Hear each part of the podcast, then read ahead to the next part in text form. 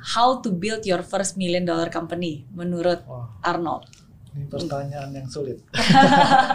Ini sesuatu yang semua orang sebenarnya tahu jawabannya. Paling sedikit kalau sudah cukup lama jadi pengusaha, cukup suka baca buku dan semacamnya, pasti tahu jawabannya. Dan hari ini saya sudah ditemani oleh Arnold Turangga. Hai Miss. saya agak canggung loh, soalnya Miss Mary itu idola saya. Thank you so much. Terima kasih. Uh, thank you so much juga udah meluangkan waktu untuk hadir di Ya, sini. Thank you for the Ini opportunity, Miss. Kayaknya untuk pertama kalinya Iya, ada di depan layar. Karena biasanya selalu maunya di belakang layar. ya, benar sekali. Oke, tapi hari ini spesial. uh, kenapa? Karena di episode Friends of Mary Riana kali ini kita ingin men-showcase bukan hanya para successful entrepreneur how they build their business, tapi untuk pertama kalinya kita juga akan men-showcase uh, Arnold sebagai uh, MD Champions. Yeay. Yeay. Oke, nah buat kalian penasaran MD Champions itu seperti apa? Nah, jadi uh, MD Champions itu sebenarnya adalah uh, startup-startup yang dibina khusus dan diadopsi juga uh, bersama dengan saya dan juga my partner David Cokro Raharjo di mana kita berperan bukan hanya sebagai coach tapi juga sebagai strategic partner in developing their business. Nah, tujuannya satu how to actually make their first million dollar company. Nah, dan itulah yang selalu kita percaya uh, ketika kita juga membangun MDco ya, uh, venture builder ya. Again, build your first million dollar company itu bukan hanya sekedar slogan atau Ya. tagline, tapi it's real. Dan hari ini kita akan bisa mendengarkan langsung ceritanya how you build your first million dollar company, membangun Kunata Rumah Yeay. hanya dalam waktu satu tahun mendapatkan uh, pendapatan revenue dan income uh, lebih dari satu juta dolar dan bukan hanya itu saja tapi bagaimana itu bisa berlanjut dan bisa um, exit dengan multiple million dollars. Oke. Wah kalau udah ngomongin dolar-dolar, pasti semua orang juga pengen ya, Iya. bener nggak? Nah tapi yang paling penting adalah the journey untuk menuju ke sana. Oke, Iya. nah jadi sebelum nanti kita ngobrol-ngobrol tentang kunata rumah seperti apa dan how you actually build millions of dollars, uh, kita pengen dengar dulu the story how it Oke. begins, Iya, ya kan? Karena uh, Arnold ini kan lahir di Palembang, Hmm, uh, SD, SMP di Palembang sampai SMA. sampai SMA. Iya. Oke, dan akhirnya kuliah di NTU, Ya. ambil engineer. Hmm. Oke, nah terus tapi gimana? Apa yang membuat Arnold ingin menjadi seorang entrepreneur? Nah, Hmm. itu. Jadi seperti yang Miss Mary bilang ya, sebenarnya kan eh, exitnya itu adalah sebuah event. Itu mungkin sepotong yang ada di ujung tuh. Iya. Padahal prosesnya itu paling bisa 90% yang nggak dilihat orang gitu. Hmm. Dan tidak gampang ya, nggak gampang karena sebenarnya tujuan dari awal pun bukan masalah exitnya, tapi Hmm. saya melihat dari perjalanan yang 90% ini sangat berharga sih. Hmm. Nah, jadi untuk uh, kenapa sih saya ingin memulai dari entrepreneur? Nah, Iya. dimulai lagi sebenarnya inspirasi saya Miss Mary. Thank you. iya. Jadi ceritanya itu saya kan di NTU. Iya. Nah, tiba-tiba saya itu uh, kalau nggak salah ke toko buku, lihat ada buku Miss Mary yang A Gift from a Friend. Wah, covernya yang lama, Miss. Wah, jadul. Iya, Pakai itu baju merah. uh, uh, pakai uh, Pak Alfa yang nulis kan dulu Iya, itu kan. betul. Saya baca bukunya juga itu ternyata self publishing ya, bukan pakai ini ya. Hmm. Nah, di situ ditulis uh, Miss Mary menceritakan kisah-kisahnya yang udah uh, pas Miss kuliah sampai Hmm. akhirnya punya usaha sendiri. Nah, saya di situ tertulis Miss Mary cerita kalau uh, Miss Mary melihat pada saat magang Mhm. itu manajer Miss gitu. Oke. Udah berapa lama uh, kerja, cuman tapi kok penghasilannya gitu-gitu aja. Iya. Nah itu membuat saya berpikir. Nah, kebetulan saya waktu itu kan juga melewati masa magang kan. Jadi Iya, pada iya. saat saya baca buku itu, saya sudah tahu. Wah kalau Miss Mary aja udah berpikir kayak gini, ini idola saya kan. Jadi saya ingin juga nih mengikuti jejak Miss Mary. Jadi apa pun yang Miss Mary lakukan waktu itu, saya bahkan berpikir gimana kalau saya join uh, organisasinya Miss Mary waktu Iya. itu. Dan ternyata sempat nyamperin ke Iya. kantor loh. Aku baru tahu behind the scene-nya. Tapi waktu itu belum nggak ketemu ya. Enggak, enggak ketemu. Ah. Kayaknya Miss Mary udah bolak-balik ke Indonesia waktu itu. Tapi Iya, bersyukur banget karena uh, Miss Mary adalah sosok yang menginspirasi saya untuk mempunyai usaha sendiri. Dari situ sih Miss kira-kira. Iya, thank you. Ini detail banget loh sampai tahu detail ceritanya pas lagi magang karena itu Iya. emang Itu berkesan banget sih. karena sama-sama uh, Iya. satu fakultas kan, Uh-uh. tapi beda beda satu, tahun. Kan kita satu negara ya. Jadi wah ini sosok yang penting ini. Mendapatkan uh, alumni ini juga kan outstanding award kan dari NTU kan. Yes, thank you, Iya. thank you. Nah, yang outstanding yang alumni award pada saat Mm-mm. itu. Oke. Nah, tapi emang emang benar banget sih. Sometimes kadang-kadang kalau buat saya pribadi sih saya nggak pernah kepikiran mau jadi seorang entrepreneur. Makanya kuliahnya pun juga teknik elektro, ya kan. Nah, tapi gara-gara magang itu akhirnya membuat saya berpikir bahwa mungkin ada cara lain di mana saya bisa mengembangkan potensi saya dan akhirnya bisa mewujudkan mimpi-mimpi saya Iya. dan bayar utang waktu itu. Sama, saya waktu itu juga mengambil utang waktu itu. oh, gitu sama Iya, berarti ya. uh-uh. Oke. Jadi mulai mungkin karena itu ya, jadi membuka mata kalau ternyata hidup itu ada pilihan loh, nggak Hmm. cuma satu pilihan. Oke, dan akhirnya pas lagi kuliah, waktu itu Arnold juga pernah bilang Hmm. pernah sempat ketemu, tapi waktu itu saya lagi ngasih Seminar, seminar, iya, di NTU. Iya. Berarti waktu itu masih kuliah di situ. Masih masih kuliah. Oh. Kalau nggak salah tahun terakhir kayaknya. Oke, Tahun oke. terakhir. Dan Ya, di itu situ- pertama kalinya saya ketemu Mas. Cuman belum sempat ngobrol. Tapi belum sempat ngobrol, belum Iya. sempat kenal ya.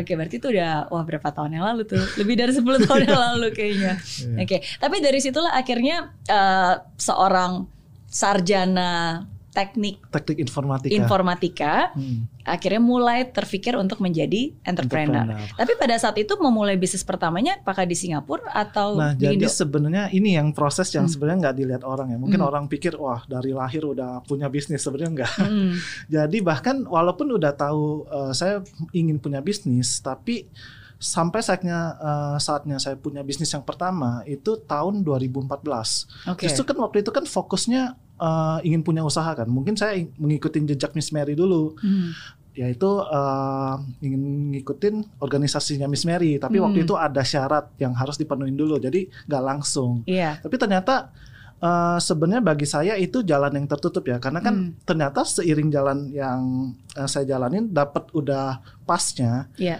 Dan akhirnya saya bisa daftar. Nah, tapi saya akhirnya berpikir ulang apakah ini saya sempat ambil trainingnya waktu itu, Miss. Oh iya. iya, saya Wow. sebenarnya udah niat banget waktu itu pokoknya. Berarti kalau nggak sebenarnya kita Iya. bertemu Mungkin kalau di Miss jalan Mary itu masih di ya situ. di Mary Rena Organization waktu itu di Uh-uh. bidang jasa keuangan waktu Iya. itu kan. Oke. Bisa jadi kalau Miss Mary masih di itu, saya kayaknya gabung sih. tapi mungkin ya Tuhan punya rencana Tapi yang Tuhan lain. punya ya. rencana yang lain Iya. walaupun bukan jalan itu tapi kalau emang jodoh tetap aja dipertemukan ya kan. Oke. Nah, Terus jadi terus setelah itu uh, udah dapat nih uh, syaratnya, akhirnya saya bisa daftar. Tapi saya berpikir ulang kayaknya nggak dulu deh, kayaknya Hmm. itu. Pas saya jalanin trainingnya, ini sulit juga ya. Gitu. Itu nggak segampang yang ditulis di buku gitu. karena harus jualan, Iya, harus ada iya, trainingnya, benar. harus ada lisensinya Nggak juga. gampang. Jadi akhirnya saya kerja biasa, tapi uh, saya udah ada pikiran ingin punya usaha sendiri tetap ada. Cuman Oh. waktu itu mungkin uh, mungkin saya saya cuman ini sih kayak selama periode itu uh, saya hanya menimba ilmu. Hmm. Menimba ilmu banyak-banyak baca buku, tapi nggak pernah dipraktekin. Hmm. Cuman baca sampai akhirnya punya kesempatan uh, di Singapura itu ada puding puding kedelai yang laku. Oh, yang silky silky Iya, itu ya, iya, yang iya. kalau dimakan lembut banget, meleleh di mulut. saya lihat itu rame kan, jadi saya akhirnya kepikir, nah itu bisnis pertama saya, Miss. Nggak ada hubungan dengan bisnis yang Oh. sekarang. Oke, wow. Iya. Itu di di Singapura atau dibawa ke Indo Eh, atau gimana? Dibawa ke Palembang. Oh, oke. Iya, Jadi iya. setelah dari Singapura akhirnya balik ke Palembang. Heeh. Dan Karena akhirnya udah ketemu nih, udah bisnisnya nih, udah Iya. ketemu jalannya, akhirnya balik ke Palembang ingin membuka usaha tersebut. Oke. Saya bikin resep sendiri, saya coba cari di internet, saya bikin sendiri. Akhirnya ketemulah resep saya sendiri. Ha-ha. Jadi saya coba, akhirnya berjualan waktu itu di Palembang. Oh iya. Iya. Terus gimana? akhirnya eh, saya coba jalanin ya ternyata nggak segampang itu hasilnya ada tapi nggak secepat itu jadi ya Hmm. udahlah eh, akhirnya setelah tiga bulan saya ini orang tua bilang ya udah eh, kita aja yang lanjutin gitu Oke. Eh, kamu boleh kerja lagi deh di Singapura ya udah saya kerja lagi ke Singapura Oh, oke. Terus jadi Gitu. berarti balik lagi ke Singapura, Iya. tapi yang bisnis eh, dijalanin orang tua dijalanin saya. oleh orang tua. Oke. Lumayan lah menabur Nah benih, itu ada benih. ceritanya lagi, Miss. Oh ya, gimana? Iya, itu ada benih yang ternyata kadang itu ya hidup itu penuh surprise yang kadang kita nggak tahu nih. Walaupun uh, itu satu cerita yang mungkin sepotong bagi orang mungkin itu kegagalan, bagi saya enggak. Hmm. Saya nggak bisa bilang itu sebuah kegagalan. Bagi saya itu adalah it's it doesn't working, Yeah. Ya, it doesn't work. Ya. Itu for me it doesn't work gitu. Hmm. Tapi ternyata itu membuka pintu yang lain. Nah, nanti saya ceritain. Hmm, Oke, menarik nih menarik. Dan akhirnya dari Singapura balik ke Palembang mencoba, belum berhasil, akhirnya Iya. balik lagi ke Singapura. Iya, nah, Oke. kerja lagi, Hmm. kerja uh, di dua company. Nah, di dua company itu saya kerjakan sambil lunasin utang juga itu masih. Oke. Dikejar-kejar utang gitu. IT dong berarti ya. Uh, ya, IT Oke. di bidang IT. Mhm. Semuanya yang saya kerjain waktu itu di bidang IT sih. Cuman waktu itu yang kerjaan pertama di sales, Mhm. kerjaan kedua di training, kerjaan ketiga juga di training. Oke. Itu. Jadi sebenarnya nggak ada related sama bisnis. Nah, itu yang saya ingin uh, saya juga ingin berbagi gitu. Sebenarnya nggak bisnis itu banyak hal, belum tentu harus Ya. bidang usaha kita, Hmm. Uh, belum tentu bidang uh, yang kita belajar pada saat kuliah gitu. Hmm. Karena it can be anything. Karena pintu yang terbuka itu kan banyak. Sebenarnya kita harus memilih dari situ. Iya. Nah, Iya. Dan justru sering kali itu uh, menjadi advantage karena memberikan perspektif yang Iya, berbeda. iya, karena kan itu kita datang sekali. dari dunia atau bidang yang berbeda, Uh-uh. sehingga ya mungkin cara kita berpikir uh, itu, itu, berbeda. uh, tidak seperti yang biasanya. Mm-mm. Nah itu nanti ada pengajaran dari coach saya yang satu lagi. Itu juga dia juga ada pernah cerita tentang hal itu. Nah Oke. itu jadi uh, setelah dua kerjaan itu, nah ternyata uh, kan saya tulis di LinkedIn saya, Mhm. di LinkedIn saya kalau saya punya usaha puding ini. Mhm. Nah ternyata itu puding tersebut sempat dicobai oleh is- yang akhirnya jadi istri saya loh. Oh, wah. Iya. Gara-gara puding itu. Iya, jadi Oke. dia uh, pas dia pulang ke Palembang, dia cobain enak. Terus ini ya udah nggak ada nggak ada kontak juga kan di situ kan. Uh-uh. Tapi saya tulis di LinkedIn saya. Nah itu yang menjadi kontak pertemuan saya. Walaupun uh, saya kenal istri saya itu sebenarnya udah pada saat SMA, cuman Hmm. tidak ada pembicaraan lebih lanjut setelah itu. Cuman sekedar kenal teman lah gitu Oke. tahu. Tapi setelah uh, di LinkedIn dia hanya message saya gitu oh ternyata nih punya kamu ya gitu ya saya balas gitu nah terus karena saya juga terinspirasi dengan Miss Mary bagaimana kalau mencari pasangan yang bisa bisnis bareng Oke. Ini benar-benar apa mengikuti jejaknya Iya. ya.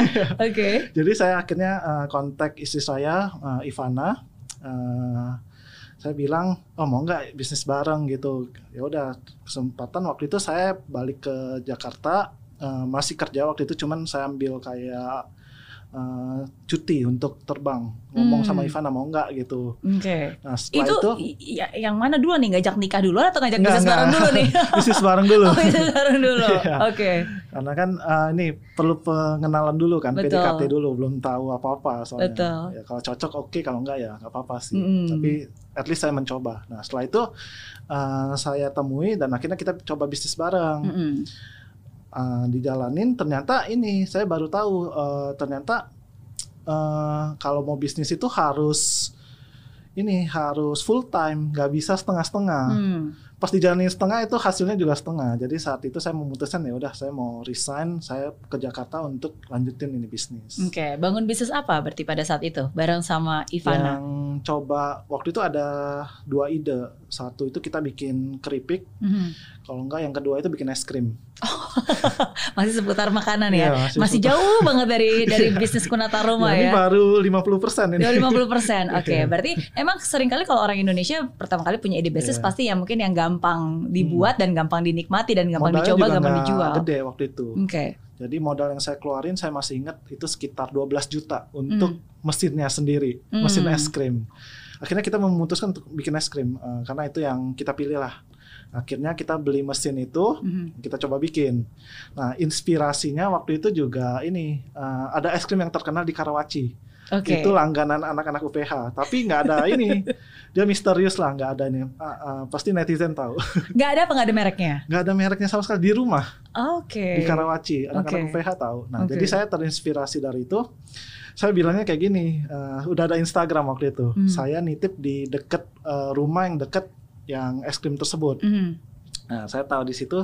Terus di Instagram saya tulis ada es krim yang lebih enak dari es krim ini loh. Oke. Semua yang beli es krim tersebut saya komenin satu-satu. Tapi dulu Instagram kan masih nggak begitu seramai sekarang ya. Tapi Iya. sekarang dulu itu saya kayak gitu. Akhirnya mereka coba. Berhasil? Nggak. Nggak berhasil. Ternyata inilah nggak semudah itu juga. Iya, iya. Iya. Tapi ini uh, lucunya itu uh, saya percaya sih Miss. Jadi Hmm. atas pintu yang tertutup itu saya selalu berdoa kepada Tuhan itu seperti ini sebenarnya. Hmm. Hmm, biarlah apa dalam hidup ini yang terjadi adalah kehendakmu. Iya. Jadi mudahkanlah jika itu kehendakmu, uh, tutuplah pintu tersebut kalau itu bukan pintu yang harus saya lalui Setuju. gitu. Jadi waktu itu yang terjadi adalah uh, es krim uh, mesin es krimnya itu itu 2015 saya masih ingat itu uh, apa 2014 ya. Itu banjir di Jakarta. Oke. Mesin es krimnya itu ini banjirnya di atas ini. Wow, kelelep udah. Dan kan ringan ya di di dalam rumah itu mesinnya ringan. Ah, Bahkan saya bisa angkat itu. Padahal itu berat sekali. Di dalam air itu kan ringan kan. iya. Itu bisa saya angkat dan setelah itu ternyata rusak. Hmm. ya sudahlah eh, akhirnya ya tapi karena saya percaya itu ya udah saya relain. Akhirnya eh, saya kerja lagi di Indonesia. Oh, oke. Berarti cukup bolak-balik ya, maksudnya Iya. uh, membangun, membangun bisnis, akhirnya kerja lagi secara profesional, bangun Iya. bisnis lagi. Oke. Tapi iya itu i- tapi saya menganggap itu bukan sebuah kegagalan Iya. anehnya. Bagi saya itu memang eh, itu perlu kita jalanin karena banyak hal yang kita tidak tahu di dunia ini yang Iya. Pas kita pertama kali nyemplung ya mungkin harus kelelap dulu nih. Iya. At least jangan tenggelam deh. Iya. At least masih bisa berdiri lagi, bisa di atas air lagi ya oke lah. Oke, gitu. tapi it's interesting sih kalau kita berbicara tentang is the journey ya. Saya juga Iya. percaya bahwa nggak ada yang sia-sia dan memang semua ada Iya, benar. waktunya. Ah, Dan walaupun mungkin pertama kali uh, Arnold ketemu saya waktu itu di NTU masih duduk di bangku kuliah, Iya. saya yang kebetulan ngasih seminar sesi balik lagi ke kampus, uh, sempat mau join di Mary Riana Organization di Singapura, tapi waktu itu belum berjodoh karena belum belum ketemu juga itu ketemu Hmm. Iya, sama belum. anggota uh, manajer dan tim saya. Um, tapi kalau memang jalannya akhirnya ternyata kita dipertemukan lagi di Indonesia Iya. pada saat itu ketika saya membuka uh, Mary Riana Business Apprentice dan ternyata ada ya, Arnold saya- dan juga Ivana. benar. Mm-mm. Pada saat itu sebenarnya udah punya bisnis apa dan kenapa akhirnya bisa Nah, join dan jadi bertemu waktu lagi? itu eh, saya sempat kerja di salah satu marketplace. Mhm. Nah, saya lihat oh online ini potensinya besar karena Hmm. saya mendengar kayak eh, sering ngobrol lah dengan teman-teman ini ada yang jual eh, online itu bisa sampai mm-an gitu. Hmm. Saya terus wah boleh juga ya gitu ya. Gimana kalau saya coba gitu. Nah itu pun saya hmm, barangnya nggak kayak sekarang bahkan miss. Iya. Yang saya coba adalah pertama kali itu perlengkapan aksesoris mobil. Oke, beda lagi nih Beda dari lagi. es krim sekarang dari mobil. Oke. Aksesoris mobil kenapa? Karena eh, ibu mertua saya ternyata pernah bersinggungan dengan yang aksesoris mobil ini. Oke. At least barang ini kita tahu lah. Hmm. Nah, akhirnya eh, saya coba, oh ternyata lumayan Hmm. gitu. Setelah enam bulan, akhirnya saya resign, mau fokus sama waktu itu udah nggak fokus lagi. Akhirnya ya udahlah butuh fokus ternyata ini. Saya Hmm. akhirnya Ivana yang mulai duluan waktu itu. Hmm. Baru saya join, akhirnya bersama gitu. Oke, marketplace jual aksesoris mobil. Heeh. Oke, berhasil? Berapa lama dicoba? Itu jalan Oke. akhirnya. Dan lumayan mendapatkan Iya. income lebih banyak daripada gaji pegawai Iya, pada saat benar. itu ya. Heeh. Oke. Mungkin nggak sebanding dengan yang gaji di Singapura, tapi menurut saya itu sudah merupakan uh, bukti oh Tuhan me- merestui nih Hmm. gitu, jalan kan merestui ya udah saya jalanin. Oke. Gitu sih. Sampai berapa lama berarti itu terus? Hmm, sampai akhirnya growing? ketemu Miss Mary itu dua tahun. Oke, oke. Dua tahun. Berarti ketika pas bertemu dengan uh, saya yang di Meridiana Business Apprentice itu sedang menjalankan bisnis yang marketplace tapi jualan Iya. aksesoris-aksesoris mobil. Nah, itu juga ini.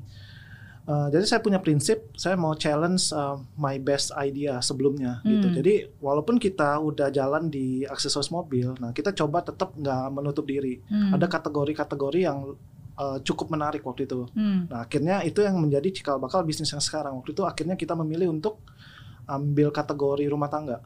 Hmm. Nah, jadi sebenarnya sudah ada bibitnya pada saat itu. Cuman Oke. belum ada kunata rumahnya. Belum ada kunata rumahnya Iya, ya. nah, tapi- jadi ketemu Miss Mary pun waktu itu masih ini uh, belum ada kunata rumahnya. Iya, tapi udah di bisnis uh, marketplace e-commerce lah ya. Iya. Oke, dan juga sudah ada traction dan sudah sedang growing. Iya, Oke, benar. hanya saja pada saat itu uh, seperti yang Arnold juga cerita uh, pernah mengalami yang namanya stagnan. Iya, Dalam arti se- um, um, apa ya stagnan seperti apa yang kamu rasakan pada saat itu? Nah, jadi mungkin saya cerita juga, Hmm. Miss. Uh, pas ketemu Miss Mary itu apa yang saya pelajarin pas Oke. di MRBA. Ini Boleh. penting banget. jadi uh, sebelum ketemu Miss Mary, saya nggak pernah set goal sama sekali. Mhm, Jadi nggak ada yang namanya target tahunan, target bulanan, target mingguan itu nggak ada. mhm. Nah, Miss Mary ngajarin waktu itu di salah satu seminar uh, Life Mastery. Life mastery. Kita oke. harus punya uh, goal yang terukur. Iya. Nah, itu akhirnya saya coba dengan istri Harus punya saya. blueprintnya juga. Iya. Iya. Nah, goalnya itu dibikin, terus akhirnya dibikin plannya uh, secara detail. Hmm. Ini gak mungkin realistik kalau nggak ada uh, plan yang realistik. Jadi Hmm. kita bikin waktu itu. Nah, akhirnya itu yang hasilnya yang luar biasa, Miss. Hmm. Luar biasa sekali. Akhirnya itu berlipat-lipat sampai akhirnya ya itu pencapaian loh yang lumayan. Oh, thank Ya, you. Itu Thank karena you. satu ajaran yang diajarkan oleh Miss Mary. Bukan karena saya tapi karena yang mem- yang belajar mempraktekannya juga. Iya, itu penting ya. Itu karena penting. mengetahui aja itu nggak nggak segalanya. Karena kita perlu praktekin juga apa yang kita sudah tahu sebenarnya. Betul, tapi itu setuju sih. Saya karena kalau kita berbicara tentang kayak obrolan kayak gini ya, pasti Hmm. banyak banget anak-anak muda yang juga terinspirasi, wah, pengen bikin bisnis gitu kan. Kalau kita berbicara tentang mimpi, mimpi itu menyenangkan Iya, karena kan mimpinya kita enak. berfantasi, wah ngebayangin Iya. gitu, which is good gitu kan, otak kanan. Tapi kan mimpi itu harus dibawa ke kehidupan nyata. Hmm. Nah, jadi harus ada otak kiri yang memang membuat blueprintnya, Iya, benar. step by stepnya, mikirin, dan itu uh, sering kali membosankan Iya, iya. dan nggak seenak kalau cuma ngebayangin ngebayangin aja gitu Iya. sering kali melelahkan tapi itu sih itu yang penting karena kalau kita nggak punya dua itu ya akhirnya kita cuma mengawang-awang aja tapi nggak balik ke Ya, realita penting sih. Jadi rencana tanpa goal itu kayak kita akhirnya ke mana nih? Hmm. Tapi goal tanpa rencana juga itu nggak akan ke mana-mana sih. oke Masih di tempat yang sama. oke Dan Iya. untungnya Miss waktu itu Apa? di seminar Life Mastery itu disuruh harus dikerjain pada saat seminarnya. nah itu kalau nggak mungkin saya mungkin Miss cuman sharing doang kayaknya saya nggak kerjain juga sih. Tapi Iya. karena disuruh kerjain saya kerjain. betul karena saya tahu kalau suruh bawa pulang besok kerjain ya itu pasti semua orang pasti punya kesibukannya masing-masing Iya, udah jadi lupa biasanya. hari itu saat itu juga mau nggak mau oke tulis aja dulu bisa berubah plan Benar. pasti rencananya bisa berubah tapi at least kita tuliskan udah menjadi modal awal lah Iya. gitu Sampai sekarang saya praktekin. Ah, thank you so much. Tapi satu hal yang saya salut sih, maksudnya seorang uh, Arnold ini walaupun usianya sangat muda tapi sangat haus untuk terus mau Iya. belajar dan tadi kamu bilang kan men-challenge diri kamu sendiri, men-challenge your your even your best idea yang Iya. memang udah berhasil, udah bagus, tapi tetap aja di-challenge lagi. Uh, ada yang lebih bagus lagi nggak, ada yang lebih baik lagi nggak gitu. Iya. Dan itulah akhirnya yang membuat bukan hanya bertemu dengan saya dan juga Pak Alfa, tapi membuat uh, Arnold juga akhirnya bertemu dengan uh, Coach DT Iya. yang akhirnya juga bisa mengubah dan men-scale bisnisnya Iya, menjadi benar Kunata Rumah sekali. sekarang. Nah, Oke. seperti yang Miss sudah mention tadi kita ada problem uh, oke transaksinya gede banget Hmm. waktu itu udah di marketplace uh, growingnya juga gila-gilaan nah tapi ternyata kita mengalami stagnasi stagnasi Hmm. yang saya maksud di sini adalah uh, kayak ada atap yang revenue-nya itu segitu-segitu doang Hmm. nah saya juga bingung kok bisa ya padahal udah nambah stok kok kayak gitu doang gitu Iya. Padahal ini apa yang terjadi Udah Saya- nambah iklan, iya tetap juga. Iya. Oke. itu saya bingung gitu kan Mm-mm. Nah, uh, akhirnya ini uh, saya ketemu sosok Coach Diti. Mhm. Dulu belum terkenal, seterkenal sekarang. ya dulu mungkin masih ini ya underground ya, tapi pas uh, ketemunya itu di salah satu podcast. Oke. Satu podcast saya lihat wah ini keren ini. Hmm. Orang yang udah sukses di uh, negara lain yaitu Amerika Serikat Hmm. pulang ke Indonesia ingin berbagi. Nah, saya coba cari tahu siapa sih Coach Diti ini. Hmm. Oh, ternyata portfolio wah wah banyak sekali yang udah diinvest gitu Iya. kan. Wah keren banget ini. Saya coba cari profilnya, ternyata di website itu ditulis eh, kalau ingin berkonsultasi bisnis boleh kontak. Ya udah, saya akhirnya kontak ke Hmm. Titi. Oke. Panjang ceritanya itu waktu itu eh, di email nggak dibalas. ya mungkin sibuk ya. Ibu. iya. Tapi sometimes kadang-kadang itu ujian loh, Iya. seberapa giginya kita ya Iya, kan. benar. Mm-mm. Nah, akhirnya saya ini kulik-kulik lagi nih Coach Titi ini apa ya? Oh ternyata dia ada SIP, SIP. Lihat, nah ternyata ada partnernya eh, bikin buku. bikin Hmm. buku SIP juga judulnya. Oke. Nah, akhirnya saya kontaknya lewat situ. Oke. Iya, saya juga tertarik sih buku SIP-nya kan. Nah, setelah itu saya kontak, nah, saya refer back, oh ada kontak Coach Siti nggak ya gitu. Iya. Oh ada nih, ya udah saya kontak dari situ. Waktu itu juga sebenarnya eh Hmm. Coach Siti ada buka scholarship Oke. Zaman itu sayangnya. Untuk uh, bisa di coach ya langsung yeah. oleh coach Diti. Nah, saya akhirnya uh, daftar juga sebenarnya dapat, cuman waktu itu ada halangan akhirnya nggak bisa. Nah, hmm. tapi akhirnya oke okay lah. Selain itu saya kontak lagi untuk bertemu. Nah, itulah pertemuan pertama kali. Hmm. Apa pembelajaran atau pengalaman yang paling berkesan dan berharga? Hmm, yang dibagikan oleh Coach Diti. Satu hal yang sampai sekarang saya ingat adalah bisnis itu eh, transaksi itu bukan bisnis. Hmm. Nah, jadi sama nih kondisinya seperti saya. Transaksinya gede, tapi kok kok bukan dibilang bisnis ya? Hmm. Dia ada loh coach transaksinya. Nah makanya dari situ dibongkar-bongkar ulang oleh coach Diti apa sih maksudnya? Hmm. Sebenarnya itu kan cuma tiga kata ya transaksi bukan bisnis yeah. gitu kan. Tapi untuk mengerti arti maksudnya itu saya butuh waktu lama sekali untuk mengerti karena hmm. kok bisa ya? Mungkin ini karena mindset yang ini yang uh, mindset yang kita udah punya yang udah mungkin kayak karatan kali ya. Karena kalau mungkin kita terbawa dari uh, dari keluarga atau dari latar yeah. belakang, biasa kan orang berbisnis dagang ya dagang ya berarti transaksi, yeah. jual beli yang gitu kan. Omset naik, yang penting gitu, omset yang naik, ada barang, ada yang mau beli ya udah, yeah, cuannya berapa, untungnya berapa gitu uh, kan. Nah saya terkejut juga dan itu untuk memahami itu lama sekali sampai itu nggak bisa dilihat dari satu sisi saja ternyata. Hmm. Kita perlu melihat dari banyak sisi. Makanya saya semenjak dari udah kenal Coach City saya pelajarin semua modulnya itu hmm. modul yang waktu itu saya pelajarin saya dengerin semua ini nah dari situ baru nangkep hmm. ternyata kita nggak bisa melihat kalimat itu dari kalimat itu okay. tapi harus mempelajari hal yang lain dulu yeah. dari sini dari sini dari sini dari sini baru mengerti apa sih maksudnya Oke. Okay. Gitu. Iya, dan itulah akhirnya awal awal dari cikal bakal munculnya dan terlahirnya Kunata Rumah. Iya. Nah, daripada dari tadi namanya sudah disebut-sebut, langsung aja kita hadirkan orangnya di sini. Coach Diti. Thank Yeay. you. So good to be here again. Thank My partner David Cokro Raharjo. ya, yeah, it's interesting ya to see um, kalau kita melihat kalau banyak kan Steve Jobs bilang kita cuma bisa connecting the dot kalau kita melihat ke belakang. Tapi Betul. kalau kita bertemu di meja ini sebenarnya ada banyak hal yang membuat kita dipertemukan dan ada banyak path yang sebenarnya itu berseliweran tapi akhirnya kita semua dikumpulkan di sini untuk satu tujuan. Betul. Gitu. Ada peribahasa juga mengatakan bahwa the great minds think alike. Uh. Ya kan pada akhirnya bisa satu bulan dari sekarang atau 10 bulan dari sekarang atau 10 tahun dari sekarang akhirnya orang-orang yang berpikiran dengan cara yang sama pasti akan berkumpul di ruangan yang sama juga. Betul. Bahasanya apa? See you at the top. Udara di atas agak beda ya udaranya ya. Oke. Okay. Nah, tapi is interesting karena uh, again uh, David Cokro Rahajo is my partner in MDco. Together we build this venture builder hmm. yang memang tujuannya ya to build uh, their first million dollar company gitu untuk para para founders yang memang mereka sudah punya traction, mereka sudah punya bisnis, mungkin sudah ada jualannya gitu. Tapi ya bagaimana mereka bisa men-scale. Um, dan uh, David ini memang benar-benar seperti yang kayak tadi Arnold juga bilang ya, kalau kita ngelihat dan benar-benar googling dan tahu latar belakang backgroundnya itu dua-duanya as an entrepreneur serial yeah. entrepreneur yang memang mulai dari bawah gitu dan membangun dan juga as a investor ya as a, uh, together as a managing principal di um, sovereign capital juga yang pastinya udah sering kali bertemu dengan para startup founders dan juga um, apa ya menjadi bagian dari kesuksesan para startup ternama seperti Brad Story, uh, Sandit, um, apalagi banyak. Loket. Iya, yeah, Loket. bunch of them. Grabs yeah. ya dan seterusnya. Yeah. Nah, sekarang pertanyaannya adalah with your background ketika pertama kali bertemu dengan Arnold, what is your first impression tentang Arnold dan juga tentang bisnis yang sedang dijalankan pada saat itu? Yang pertama Arnold ganteng.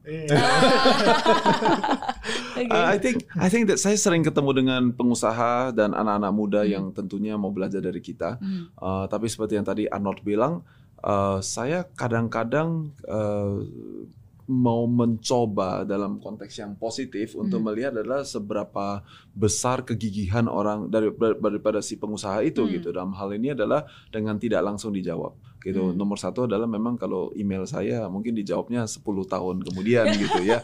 Jadi memang itu cara yang salah untuk berkomunikasi dengan okay. saya.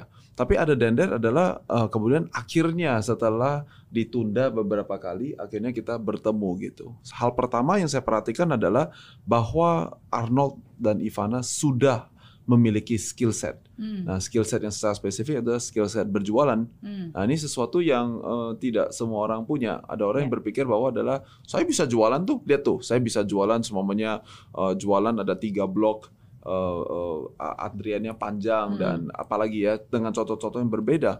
Tetapi berbeda dengan bisa satu kali jualan dengan 10 kali jualan dan 100 kali jualan. Hmm. Artinya konsistensi bisa berjualan merupakan sebuah skill set yang sangat luar biasa eh, rarity di Hmm. di zaman-zaman kita sekarang. Gak cuma cari heboh doang gitu. Iya. Dan itu yang pertama yang saya perhatikan.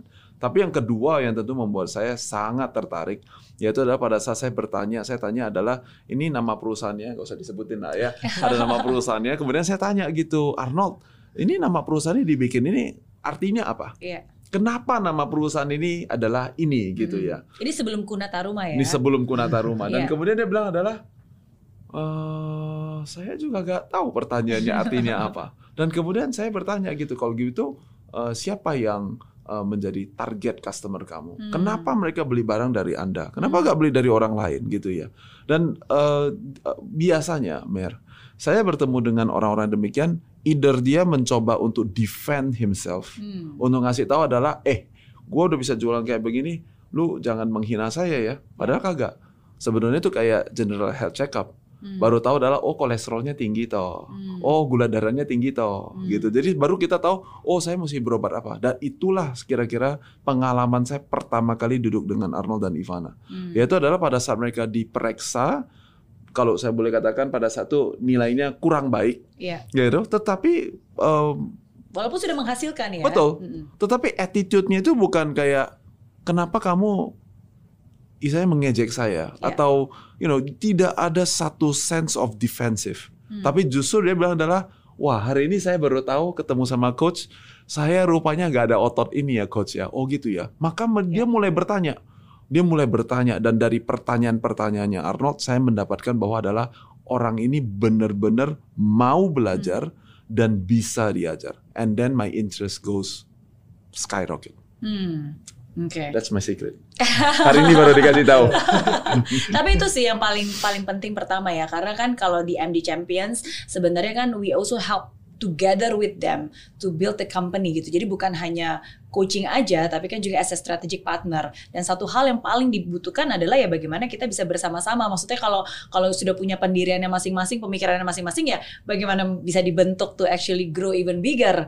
Ya Ya. kan? Nah, of course as a entrepreneur, semua entrepreneur pasti bisa dengan uh, kegigihannya um, mengubah dari nol jadi satu. That's what you did gitu kan. Uh, nol setengah, nol lagi setengah lagi coba pak bisnis es krim dan segala sampai akhirnya jadi satu. Satu tuh artinya ya udah udah berhasil dapat income dan bahkan itu menjadi full time jobnya kan um, apa namanya berhenti dari pekerjaan. Ya, tapi kan kita nggak hanya puas berhenti di satu kan, tapi to bring from one to even 100 or even Yup. more uh, dibutuhkan cara yang berbeda, sudut pandang yang berbeda. Ya dan di sinilah um, salah satu hal yang memang kita fokuskan juga uh, untuk menghelps uh, para MD champions. Ya, banyak banyak orang suka membangun bisnis dan they want to learn the trick shots. Hmm. Mereka mau belajar dulu adalah uh, gimana caranya bikin heboh, gimana caranya bikinnya supaya antriannya panjang dan Hmm. kelihatannya sangat keren gitu ya. Tapi untuk melakukan sesuatu yang keren, trick shots, kita mesti pertama belajar dulu tentang the fundamentals of the business. Hmm, Artinya bangun rumah itu mau atasnya sekeren apa pun, Oke. bangun fondasi itu dari ratusan tahun lalu sampai sekarang tentu ada perubahan. Iya. Saya yakin sekali ya. Eh, ada inovasi yang terjadi, tetapi pada prinsip dasarnya bangun gedung itu gak bakalan lari gimana-gimana. Ya pokoknya bangun fondasi. Mesti kalau di Indonesia ya, mesti cor-coran terlebih dahulu. Iya. Kalau mau bangun tiga lantai sama bangun 30 lantai, cor-corannya beda. Beda. Tapi prinsipnya apa? Sama. Sekali Hmm. lagi berarti adalah apa? Semua problem di dunia ini sama. Masalahnya adalah di skala. Iya. Mau bangun gedung 30 lantai atau mau bangun gedung satu lantai itu sangat membedakan. Ini Hmm. gedungnya adalah untuk gudang atau mau dipakai untuk adalah melakukan nanti konser ada 40 ribu orang ada Oke. berdiri di atas eh, di lantai 7. Itu merupakan cerita skala yang berbeda Iya. tetapi fundamental dari membangun gedung sama. Sama juga dalam membangun bisnis. Hmm. Nah ini adalah sekali lagi eh, apa praise untuk Arnold karena yang saya ajarkan adalah fundamental. Saya tidak kita di MD Champions yang tiap hari kita ocehin juga tidak adalah the fundamentals of your business. Hmm. Tidak berarti kita tidak percaya dengan exponential growth, tidak Yeah. berarti kita tidak percaya dengan uh, uh, customer acquisition and all those the whole things yang dibicarakan. But menurut saya banyak daripada hal-hal itu merupakan trick shots. Hmm. Dan pertama-tama kalau kita mau bangun bisnis, kita mesti punya fundamental yang kuat. Ya. Ya. So, Strukturnya harus dibenerin dulu Ya. ya. Oke, karena tergantung nih mau bangunannya seperti apa ya. Berarti kan dari awal struktur Ya. blueprintnya juga harus dibuat berbeda. Oke, nah jadi Ya. apa yang Coach Diti minta kamu lakukan atau apa yang what did he do? Apa yang pertama kali diinstruksikan gitu? Oke, Untuk pertanyaannya dibangun. adalah who is your customer? Oke, itu pertanyaan Iya. pertama. Wah, itu sulit banget jawabnya. Oke. Iya, sulit sekali karena em, ini ya, karena kan transaksinya udah gede banget ya. Hmm. Jadi kadang itu kita pengen semuanya, Hmm. pengen semua yang ada di dalam eh, data kita itu adalah customer kita. Padahal Oke. kenyataannya itu bukan. Hmm. Nah, itu yang akhirnya eh, Coach Siti minta sisir, sisir data, kumpulin datanya udah ada nih, tinggal Hmm. disisir, dianalisa siapa sih customer kita sebenarnya. Hmm. Nah, itulah yang akhirnya membuka jalan. Oh, ternyata eh, kita harus fokus. Hmm. Kita harus fokus. Kan waktu itu kan kita bahkan eh, namanya aja nggak ada, namanya istilahnya nggak ada lah ya. Iya, iya. Istilahnya nggak ada. Terus jadi kita bikin mulai dari nama dulu. Apa sih siapa yang kita mau serve dari sini? Oke. Dari data-data ini siapa yang kita mau serve? Eh, sebenarnya kita jualan apa? Apa sih yang kita ingin layani Hmm. eh, di customer tersebut? Oke, dan akhirnya dari pertanyaan itu membuat Arnold mengerucutkan. Iya, Oke, kenapa Uh, spesifik? spesifiknya ke mana berarti? Siapa? Who is your target market? And then what do Nah, you do? Jadi waktu do itu? Kunata Rumah itu lahir pada saat pandemi. Hmm. Yang saya perhatikan adalah istri saya. Jadi Coach Titi juga sebenarnya memberikan contoh ini. Waktu Ya. itu dia memberikan contoh tentang rumah sakit persalinan dan Mhm. dia ambil contoh temennya. Hmm. Temennya sebagai eh, satu orang sebagai contoh inilah yang kita harus layani. Nah, jadi diperiksa semuanya Hmm. eh, pain-nya apa, apa yang ekspektasinya, apa yang menjadi kebutuhan dia. Nah, itu saya juga lakukan di Hmm. pertama-pertama Kunata Rumah ini. Yang saya perhatikan adalah istri saya. Oke. Di observe ya. Iya di observe karena kan ini ya kalau eh, saya melihat istri saya itu lebih estetik dibandingin saya. Iya. Jadi dia akan eh, kalau rumah mungkin saya simple orangnya kayak yang penting oke, yang Hmm. penting fungsional. Iya. Tapi sebagai seorang wanita, Ivana itu punya daya estetik yang di mana dia tahu, oh ini harus diletakkan di sini ya kan sama aja diletakkan di sini atau sini, tapi bagi dia berbeda. Hmm. Nah itu yang saya observe sebagai oh berarti target customer saya yang mirip seperti istri saya Hmm. gitu Oke. yang jadi range umurnya sama terus eh, baru menikah terus eh, sudah punya anak atau belum tinggal Hmm. di mana gitu Oke. Dan karena waktu itu mungkin pandemi, Hmm. karena kan mungkin banyak orang juga nggak bisa keluar rumah Iya. dan ternyata sebenarnya cukup banyak demand iya uh, demandnya ada. untuk bisa mendekor rumah dan membuat rumah tempat tinggal karena nggak ke mana-mana jadi dijadikan tempat yang nyaman lah ya Iya. untuk bisa uh, karena nggak bisa berada. keluar rumah akhirnya rumah yang diberesin Oke. Gitu. Oke, tapi berarti em, pada saat itu dibutuhkan sebuah keputusan yang besar untuk Iya. Apa ya, melet go beberapa transaction yang Hmm. sebenarnya kan udah jalan. Kalau tadi kan Iya. awalnya apa aksesoris mobil pun juga jualan, Iya. apalagi kosmetik-kosmetik mungkin. kosmetik juga kita coba Oke. Agen Pakaian dunia.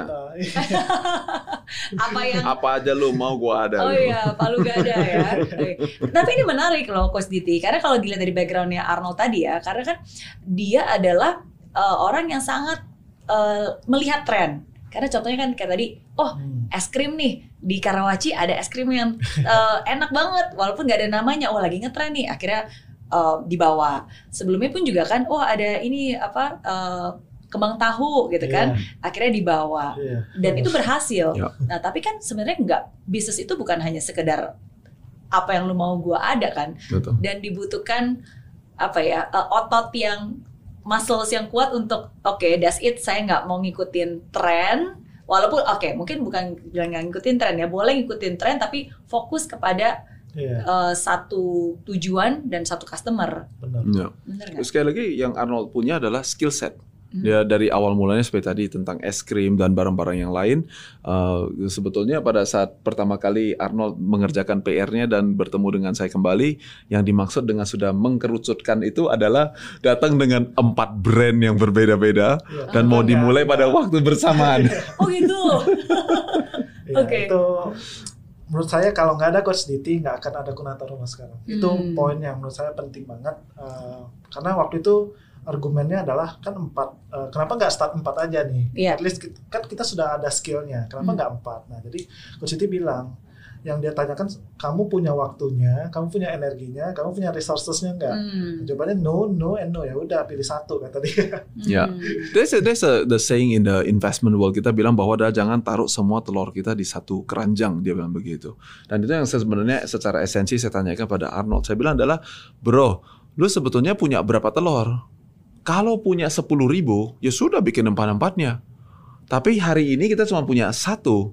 Jadi jangan pakai analogi, jangan taruh semua telur kamu di satu keranjang. Saya cuma punya satu telur. Ya sudah taruh aja di satu keranjang. Karena kalau ditaruh di empat keranjang mati semuanya. Hmm. Telurnya tidak jadi telur, nggak bisa dijual. Telurnya nggak bisa ditetasin jadi anak ayam. Oke. Telur, you cannot do a lot of it. Nah ini sebuah pelajaran yang yang sekali lagi ya tadi saya bilang bahwa uh, mau diajar dan bisa diajar. Karena sekali lagi Arnold dan Ivana saya mendapatkan mereka dari hari pertama ada orang yang memiliki skill set.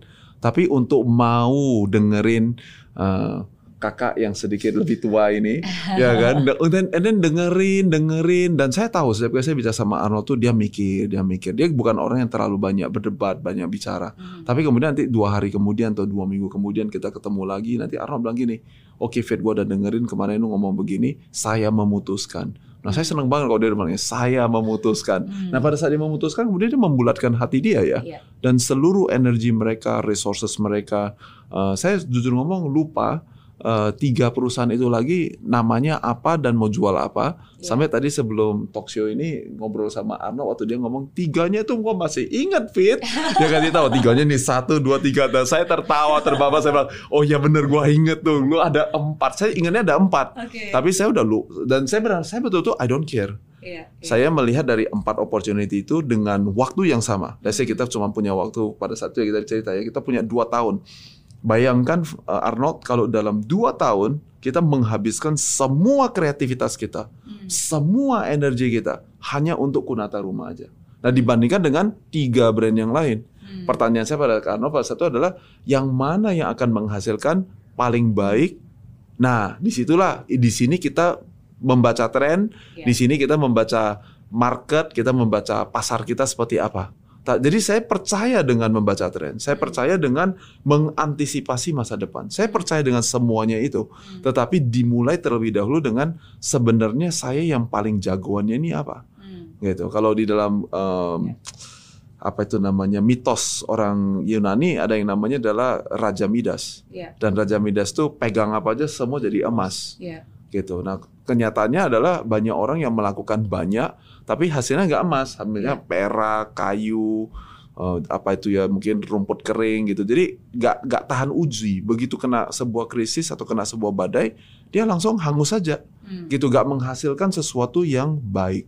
Hmm. Nah, dan saya benar-benar ya bangga ya karena Arnold memilih eh, emas yang dia mau bangun, Kunata Rumah, dan eh, tentu dalam cerita ini Iya. um, bisa exit dengan multi million dollars Oke. gitu ya. Oke. Tapi I would say I would add an extra point untuk Arnold yaitu adalah kalau seumpamanya Kunata Rumah ternyata dua tahun kemudian tidak berhasil, tidak menghasilkan jutaan US dollar Hmm. uh, dalam pendapatan dan juga tidak bisa exit dengan obviously multi million uh, bahkan lebih besar lagi ya tentu multipliernya. Kalau itu terjadi terusan pertanyaannya, nah kan kan kemarin harusnya langsung mulai empat. Oke. Nah, itu sama seperti orang bilang begini, Fit lu punya anak berapa? Tiga. Nah, makanya lu Fit, lu jadi orang tua itu kamu lebih risk taking kalau sama anak-anak kamu. Karena kalau satu mati masih ada dua. Itu kan Enggak. itu kan pernyataan orang agak sedikit kurang bijaksana Iya. gitu. Betul gak Iya, sih? betul, Nah, sama juga kita kita pikirnya itu kalau bangun bisnis itu kadang-kadang kayak begitu. Kita pikir bahwa adalah if I have four, satu mati, it's okay. Nah, kalau saya ketemu orang yang seperti itu, Hmm. di situlah saya tahu bahwa Anda tidak punya mindset seorang entrepreneur. Hmm. You lagi nyoba-nyoba. Boleh nggak nyoba-nyoba? Tentu saja boleh. Oke. Tapi jangan deket-deket sama David. Oh, Oke. Karena tujuan kita bukan hanya untuk coba-coba. Betul, Tujuan kita benar-benar to bring you there. That's gitu right. kan. Pada saat kita bilang you are our MD champion, saya mau I want a champion. Iya. A champion nggak mikirin gua nyoba-nyoba deh naik naik ke ring tinju kita coba-coba. Iya. Nah, salah-salah itu, itu, itu bisa coba-coba bisa mati di tempat. Iya. Saya mau orang yang benar-benar berani untuk berkorban, mau mati untuk satu misi, Hmm, and then you build it. Nah, kalau itu yang dilakukan, of course Arnold adalah contoh yang sangat luar biasa. hmm. That's why you and I kita say that, okay, that's what you wanna do, right? Iya. Kita akan sokong you 100%. Betul, karena nggak semua orang pun juga sebenarnya kita adopt untuk bisa menjadi MD champions ya. That's karena kan resources terbatas. Tapi ketika seseorang itu sudah uh, menjadi MD champions, misalnya salah satunya adalah Arnold, ya we'll make sure that basically we'll bring you there gitu. Uh, dan sebagai seorang coach, sama di dunia olahraga juga pasti dia harus bisa mengetahui dan melihat kelebihannya apa, and then just focus on that gitu kan. Kalau um, apa namanya jagonya di smash atau Ya. jagonya di ya saya bukan orang olahraga. Jadi yang basket tahu. Pasti kan bener dong ya kan? Jadi kita That's mau right. fokusnya ke mana ya ya ya itu menjadi uh, andalannya. Of course bukan berarti kita cuma bisa itu saja. Kita bisa jurus-jurus yang lainnya tapi yang selalu difokuskan dan menjadi andalan kita ya itu. So we put all the of the resources ya uh, di satu tujuan. Ya dan ini uh, terbukti. That's right. kan Mm-mm. Oke ya Saya bisa bayangin misalnya saya jalanin empat itu nggak ada nggak akan ada ini. Kita nggak di sini sih. Iya. Berapa lama prosesnya untuk kamu bisa melihat hasil dari eh, saya yakin ketika eh, di coach mungkin kan kita kasih beberapa eh, apa ya hal ya ini mungkin bisa kamu kerjakan seperti ini ini pangkas ini dan seterusnya. Tapi kan sometimes setelah itu belum tentu langsung bisa dilihat hasilnya kan. Ya dari Arnold sendiri seperti apa dan how do you believe until the end? Jadi kalau perjalanan saya sih saya lebih melihat eh, ke personal growth sih dibanding ya bisnisnya yang grow. Hmm. Karena eh, dari banyak hal itu setiap setiap saya dengerin coach DT itu pasti ada hal baru lagi. Saya Hmm. nggak pernah kayak saya kan dengerin semua ya kayak apa yang diajarin coach DT itu ya ada ratusan saya dengerin semua. Setiap kali saya denger itu mindset saya bukan untuk sekedar cuman bisnis saja tapi Hmm. untuk hidup saya. Prinsip-prinsip uh, coach DT itu sangat applicable ke hidup. Nah, Hmm. karena saya percaya uh, mungkin ini dari coach DT juga kayak kita harus benar sebagai orang dulu. Hmm. Baru bisnis kita kan bisnis itu dimulai dari leadernya. Hmm. Nah, leadernya harus bisa punya kapasitas dulu baru bisnisnya take off gitu. Hmm. Jadi sebenarnya apa yang saya lihat adalah di saya sebagaimana saya bisa meng- uh, menyerap ilmu itu dari coach DT. Oke.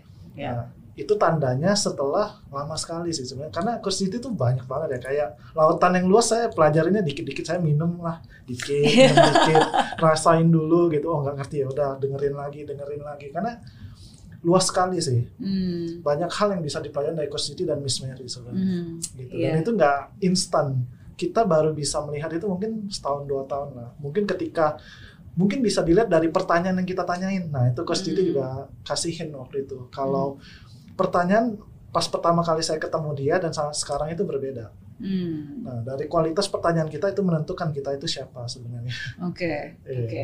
Ya that's true karena ya kita sama-sama percaya bahwa before you scale your business you must scale yourself first kan. Right. Maksudnya kita harus men-scale up excellence kita. Kita harus Yeah. bisa men-scale up uh, kapasitas kita dulu gitu kan. Itu yang saya yakini dan saya yakin itu juga yang selalu Coach Siti selalu uh, lakukan. Hmm. Ini senyumannya genuine loh.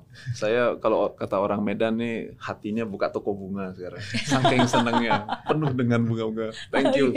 Oke. Thank you for appreciating us and I think that um, sekali lagi it's it's because uh, kalau kalian dengar jawabannya adalah karena yang tadi saya bilang ya, Hmm. Arnold ada orang yang bi- mau belajar dan bisa diajar. Hmm. Dan itu sesuatu yang sangat langka menurut saya. Hmm. gitu ya orang orang yang kalau dengerin saya bicara mungkin uh, 30 menit 40 menit mulai keluar asap hasil bang gini ah capek ah udah matiin gitu ya Iya. Arnold adalah Mary Arnold adalah satu-satunya follower saya yang tidak pernah miss out a single of my teaching Oh, ngerti gak ngerti pokoknya semuanya didengerin semuanya ditelan iya.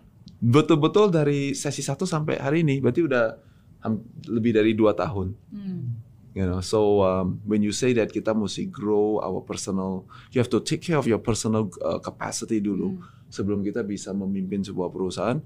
Uh, you know, again, I'm opening a floral store today. Iya dan dan em, apa ya memiliki kebanggaan tersendiri ya Ya. untuk bisa melihat dan menjadi bagian dari uh, kesuksesan Arnold dan Ivana you, hari you, ini guys. gitu karena ya i- it's not an, an easy and smooth journey tapi it's a journey yang memang harus dilalui karena ya dari journey itulah uh, Ya. bisa jadi contoh dan membuka jalan bagi banyak orang juga kan bahwa ternyata untuk membangun bisnis ya itu kan berikaliku kalau di awal nyoba-nyoba sendiri ya banyak jatuh bangunnya ya kan Em, sampai mesin tenggelam juga kelelep ya kan ya tapi at the end of the day uh, when you are in the right time with the right idea with the right persons then everything will just right Yep. gitu Hmm. timingnya mungkin kita nggak bisa ini ya tahu kapan tapi pasti akan adanya market itu akan appreciate your value lah gitu. Hmm. Oke. Oke, kalau dari Coach Diti sendiri nih, berarti apa langkah-langkah strategik yang dilakukan dari nol Kunataruma sampai build first million dollar company revenue lebih Ya. dari 15 m dan sampai akhirnya bisa exit multi million dollars company. Jadi em, strategiknya secara garis besar apa saja sih sebenarnya yang Ini ini dilakukan? ini sesuatu yang semua orang sebenarnya tahu jawabannya. Paling sedikit kalau sudah cukup lama jadi pengusaha, cukup suka baca buku dan semacamnya, pasti tahu jawabannya. Tetapi yang kekurangan di dunia ini bukan orang yang nggak tahu, Iya. tapi adalah orang yang benar-benar mau berani bayar harga untuk melakukan Hmm. yang sebenarnya tahu. Hmm. Jadi kalau rumusnya ada sesuatu yang complicated ya, yang rumit, biasanya itu ya cuman beberapa orang yang bisa. Iya. Jadi rumusnya sebenarnya sangat sederhana dan kita kembali kepada olahraga tinju lagi. Iya. Yaitu adalah, you know, tinju pakai dua tangan, tinju nggak mungkin satu tangan. Hmm. Nah, tinju itu lebih banyak untuk yang yang yang eh, apa tidak ambidextrous dan yang tidak kidal gitu ya. Berarti banyak tinju dengan tangan kiri. Hmm. Nah, jadi saya selalu bilang adalah dimulai dari apa? Dimulai dari why. Hmm. Nah, ini kan sesuatu yang semua orang tahu ya. What's the purpose of your business? Why do you do what you do? Iya. Ini semuanya ada pertanyaan yang saya yakin kalau di search gitu mungkin ada jutaan video. Iya. Nah, saya pikir sekali lagi bukan masalah masalah tahu atau tidak tahu, ini masalah tentang apa? Kita serius gak mau tarik tahu Hmm. kenapa saya mau bangun bisnis ini? Oke. Gitu. Nah, maka saya tanya kepada Arnold pertanyaan ini, tapi saya tahu bahwa Arnold bisa bu- buat transaksi yang besar-besar. Tetapi pada satu Arnold tidak bisa menjawab satu pertanyaan yang kelihatannya mudah ya. Hmm. Who who is your customer tadi dia bilang begitu. Hmm. Nah, saya belajar dalam perjalanan saya adalah daripada saya nanya why do you do what you do, saya mulai dengan who is your customer. Hmm. Jadi why punya empat sahabat. Hmm. Yang pertama namanya adalah who, Hmm. yang kedua namanya adalah what, yang ketiga namanya adalah where, Hmm. dan yang keempat namanya adalah when. Hmm. Gitu. Jadi kalau semuanya untuk menjawab si why ini nih, daripada kita bilang why do you do what you do. Nah, kadang-kadang saya ketemu anak muda juga mungkin jadinya berfilosofi nih sekarang, abstrak. Oh, saya mau mengubah Indonesia, Kak. Wow, tapi saking wow-nya saya nggak tahu bisnisnya apa. Iya. iya. Oke, saya kita bertiga dulu di sini dan saya mau bekerja sama dan bahkan menjadi partnernya Mary bukan cuma karena sekedar oh I got a very famous guy, I got a, a celebrity to want to be my partner, tapi karena the why-nya jelas. Hmm.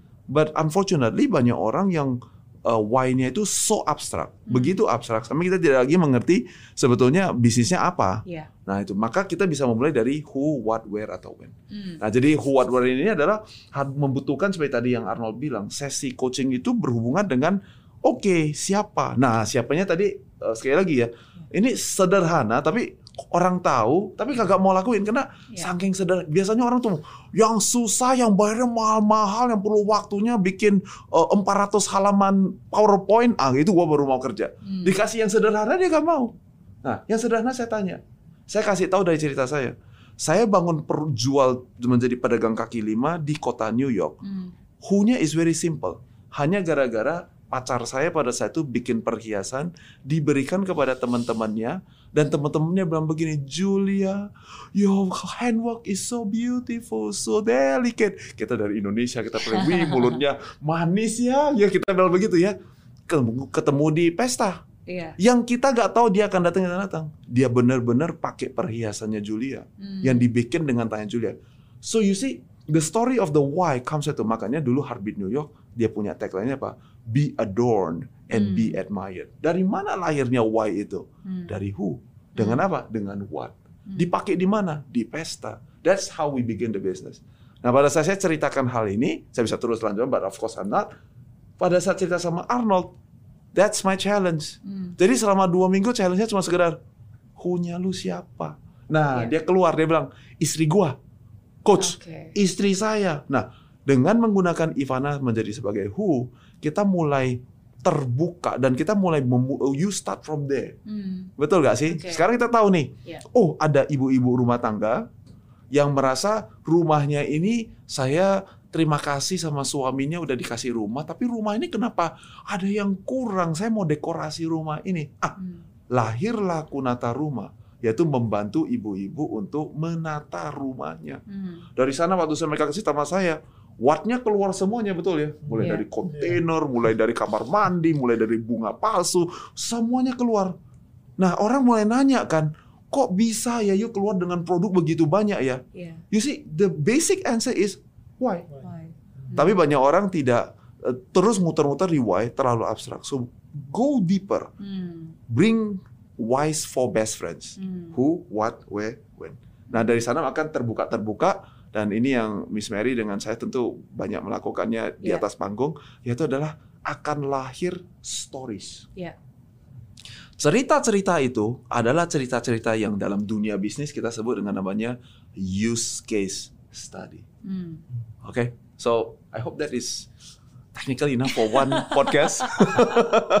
Tapi benar-benar ah, saya pikir ini Iya, sesuatu yang iya. sederhana semua orang bisa lakukan. Yes. Anak saya 15 tahun bisa bisa menjawab pertanyaan-pertanyaan ini kenapa dia pilih proyek ini di di sekolahnya dia. Very simple. Why, who, what, where, when. Iya. Iya. Oh ya, tangan kanan how. Oh, Ya. oke, oke. Eh, tapi ini menurut saya sangat menarik karena kalau kita berbicara tentang entrepreneur yang sering kali datang ke kita nanya ke saya, nanya ke Coach David gitu kan, oh ingin di coach, ingin dibantu gitu kan. Em, banyak orang selalu mengharapkan jawaban yang wow gitu jawaban yang mungkin biasanya mereka nggak dengar gitu Iya. mereka nunggu-nunggu rahasianya apa gitu kan rahasianya apa tapi ketika mereka mendengarkan jawaban yang bahkan bukan jawaban ditanya balik lagi kan apalagi Hmm. pertanyaan yang sangat sederhana seperti why who is your customer gitu kan Eh, mereka tidak bisa menangkap makna di balik pertanyaan tersebut karena dari awal mereka berpikir ah cuma gitu doang gitu dan akhirnya mereka menutup padahal sebenarnya di balik pertanyaan itu ada harta karun yang luar biasa yang kalau kita berdua engage artinya mereka menjawab dan kita gali bersama ada harta karun di situ. Hmm. Tapi kalau di dikibas dan nggak mau digali ya ya cuma tanah aja gitu. It will be just on the surface Iya. gitu. Dan menurut saya eh, itu sih yang yang saya bisa lihat dari seorang Arnold dan juga em, banyak yang sekarang di, di MD Champions sa- saat ini sekarang kita ada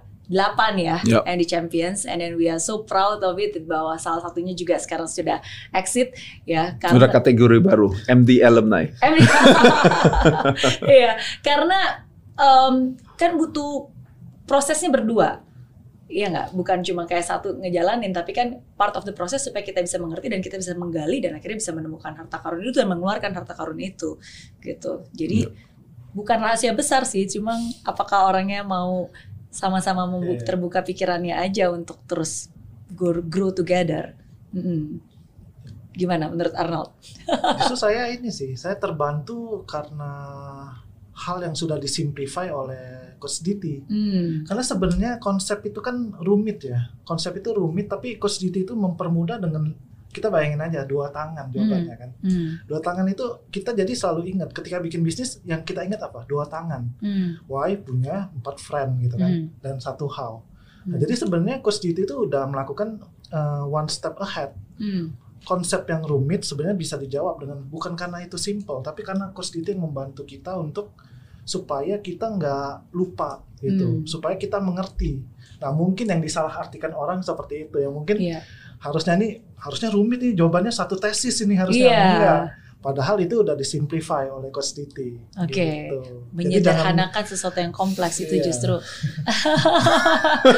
Thank jangan you. disalahartikan. Yang Jadi, mudah, betul. Iya. Iya, karena dari hal yang sederhana itu ya harus, harus dilakukan kan. Kita kan Iya. cuma bukan cuma mengerti di sini dan wah kesannya apa uh, ngomong sesuatu yang kompleks. Iya. Hmm, Iya.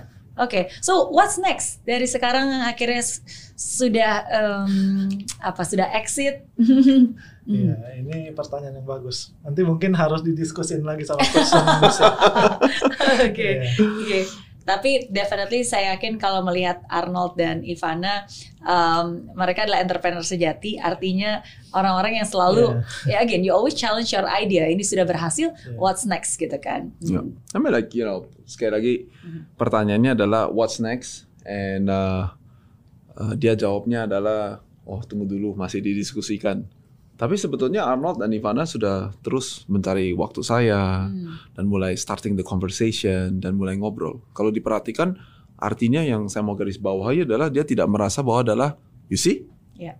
I've been there, done that. Sudah istilahnya udah punya satu perasaan bahwa adalah saya sekarang sudah mencapai.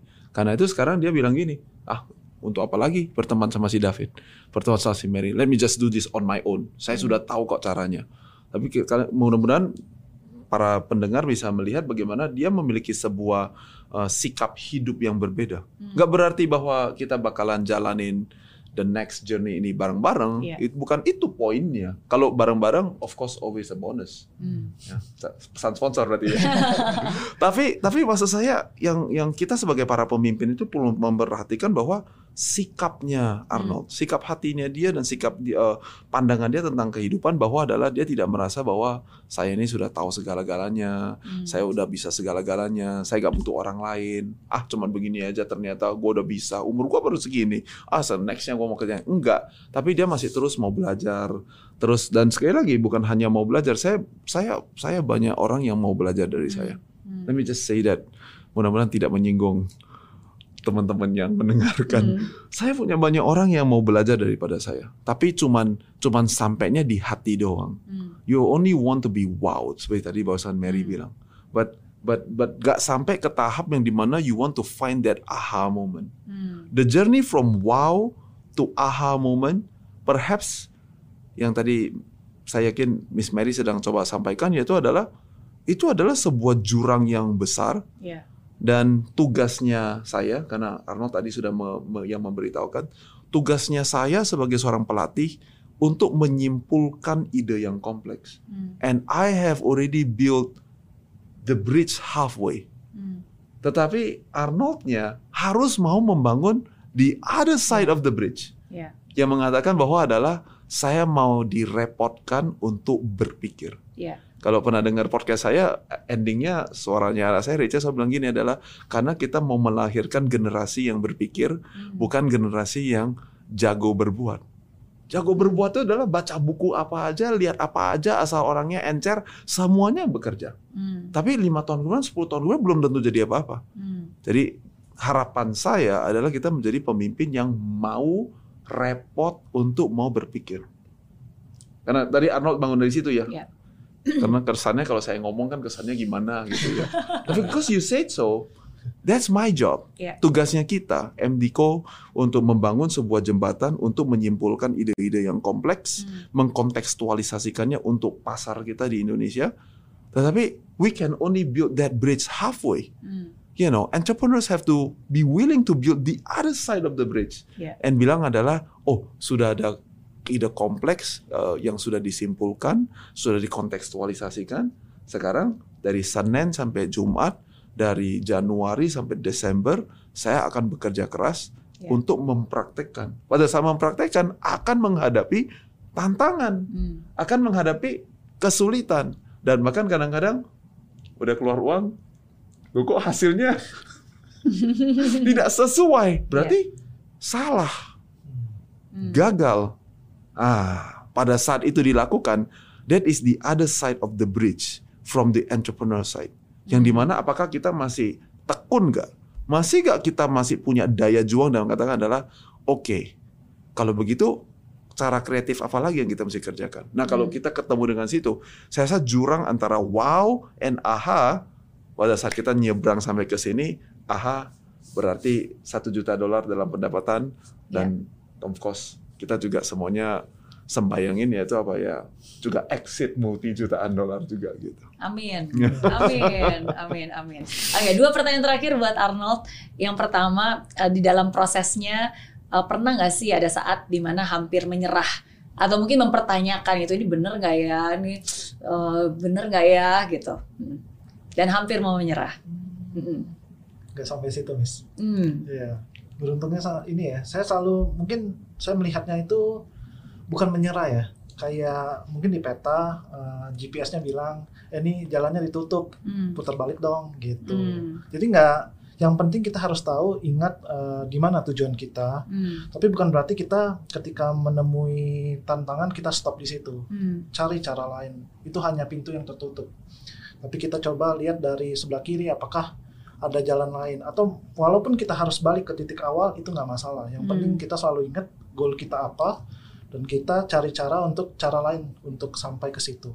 Oke. Okay. Oke. Okay. Dan dan bisa terus bertanya juga yeah. kan karena ya salah satu kesalahan terbesar entrepreneur adalah ya ketika dia mengisolate themselves kan yeah. because we don't know what we don't know kan karena kalau kita nggak tahu apa yang kita nggak tahu ya mau cari tahu di mana. Oke. okay. Dan pertanyaan berikutnya berarti um, karena dari Arnold sudah memulai dari awal prosesnya sampai akhirnya gagal berkali-kali mencoba dan akhirnya bisa berhasil. So in your own opinion, um, how to build your first million dollar company menurut oh, Arnold? Ini pertanyaan yang sulit.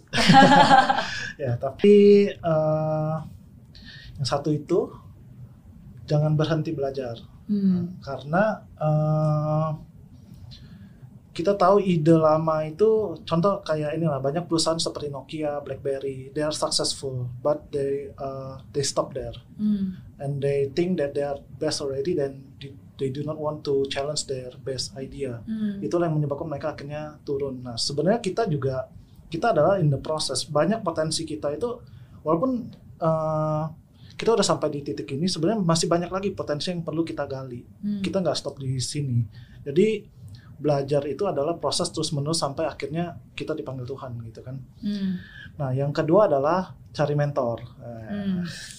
Tentu uh, ini bukan pesan sponsor tapi saya mengalami sendiri karena sudah saya sharing tadi Miss Mary dan Coach Titi itu sudah menempati berbagai titik event di dalam hidup saya dan hmm. itu coba bayangin kalau mereka nggak ada gitu kan. Mereka nggak ada memberikan inspirasi. Mereka sebenarnya udah sukses. Dua orang ini sosok ini udah sukses. Mereka nggak perlu susah payah untuk pulang ke Indonesia. Mereka bisa uh, they can enjoy their life.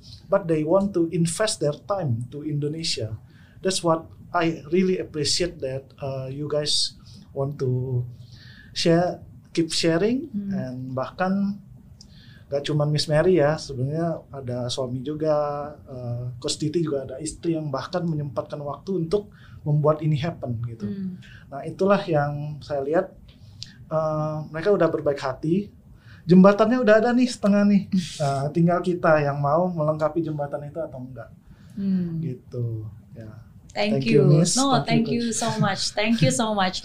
Um, karena kalau buat saya sih saya selalu percaya bahwa uh, di dalam perjalanan kesuksesan saya pasti ada orang-orang yang juga selalu sudah membantu saya memberikan ilmu memberikan kesempatan gitu. Dan cara terbaik ya dengan meneruskan. Yeah. dan menurut saya ini juga salah satu hal yang sebenarnya tanpa kamu sadari sedang kamu lakukan juga gitu. Kalau kalau mungkin kamu bisa menjadi seperti Arnold yang sekarang bersama dengan Ivana uh, dan bersyukur karena saya dan Coach David juga bisa menjadi bagian dari hal tersebut. Sekarang apa yang kamu lakukan juga menginspirasi banyak orang dan saya yakin sebenarnya ada banyak orang juga yang nantinya pasti terinspirasi dan juga melihat dari jejaknya dan akhirnya they create their own success stories juga. Yeah. Jadi kita menjadi saluran berkat.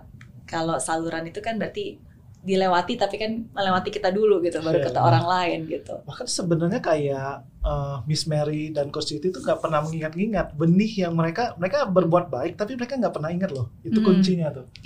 berbuat baik tapi mereka nggak pernah ingat kalau mereka udah uh, mereka udah menyentuh hati seseorang itu kan memberikan inspirasi mereka yang mereka fokuskan adalah tetap memberi. Mereka hmm. Ya, masalah hasil itu adalah bukan di tangan kalian berdua sebenarnya kan, hmm. di tangan Tuhan gitu.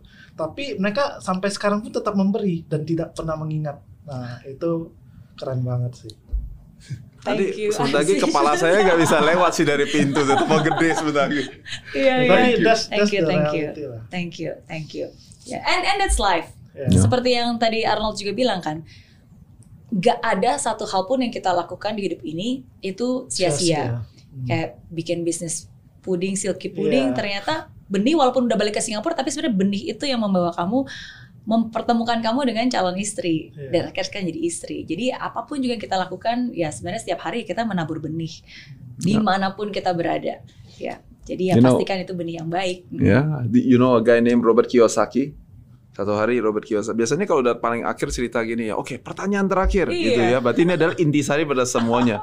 You know that berarti ilmunya Arnold sudah sehebat Robert Kiyosaki. Oh, masa? Pada saat Robert Kiyosaki ditanya adalah, Pak Robert, Pak Robert sudah ngomong semuanya. What is your last message to everybody? Dia bilang begini, it is more blessed to give than to receive. Hmm. Dia singkatkan dengan satu peribahasa itu. Dia katakan lebih baik ada dalam posisi memberi Iya. daripada dalam posisi menerima menerima. gitu. And that's what you just said and I hope uh, bukan hanya untuk Arnold supaya sebuah sikap hidup yang terus di keep tapi juga buat reminder buat kita berdua I think Iya. ya Mer ya. Iya. Dan juga untuk semua orang yang mendengarkan bahwa posisi memberi itu jauh lebih berharga daripada posisi menerima. Kalau posisi kita memberi eh, katanya mentor saya katanya fit uang, jabatan, kekayaan, kesuksesan hidup, dia kejar kita. Hmm. Tapi kalau you yang kejarnya adalah uangnya, profitnya, ke I don't know, ketenarannya, reputasi, itu yang kita kejar, maka belum tentu kita bisa dalam posisi memberi. Hmm. You know, so thank you for saying that. Yeah. Thank you. And thank you for sharing your story dan congratulations Yeah. Untuk you. Kunata Rumah. Eh, yang sekarang juga sudah exit dan salam buat Ivana. Yeah, thank you. Hmm. Thank you, Coach Diti. Sama-sama. okay. Yes.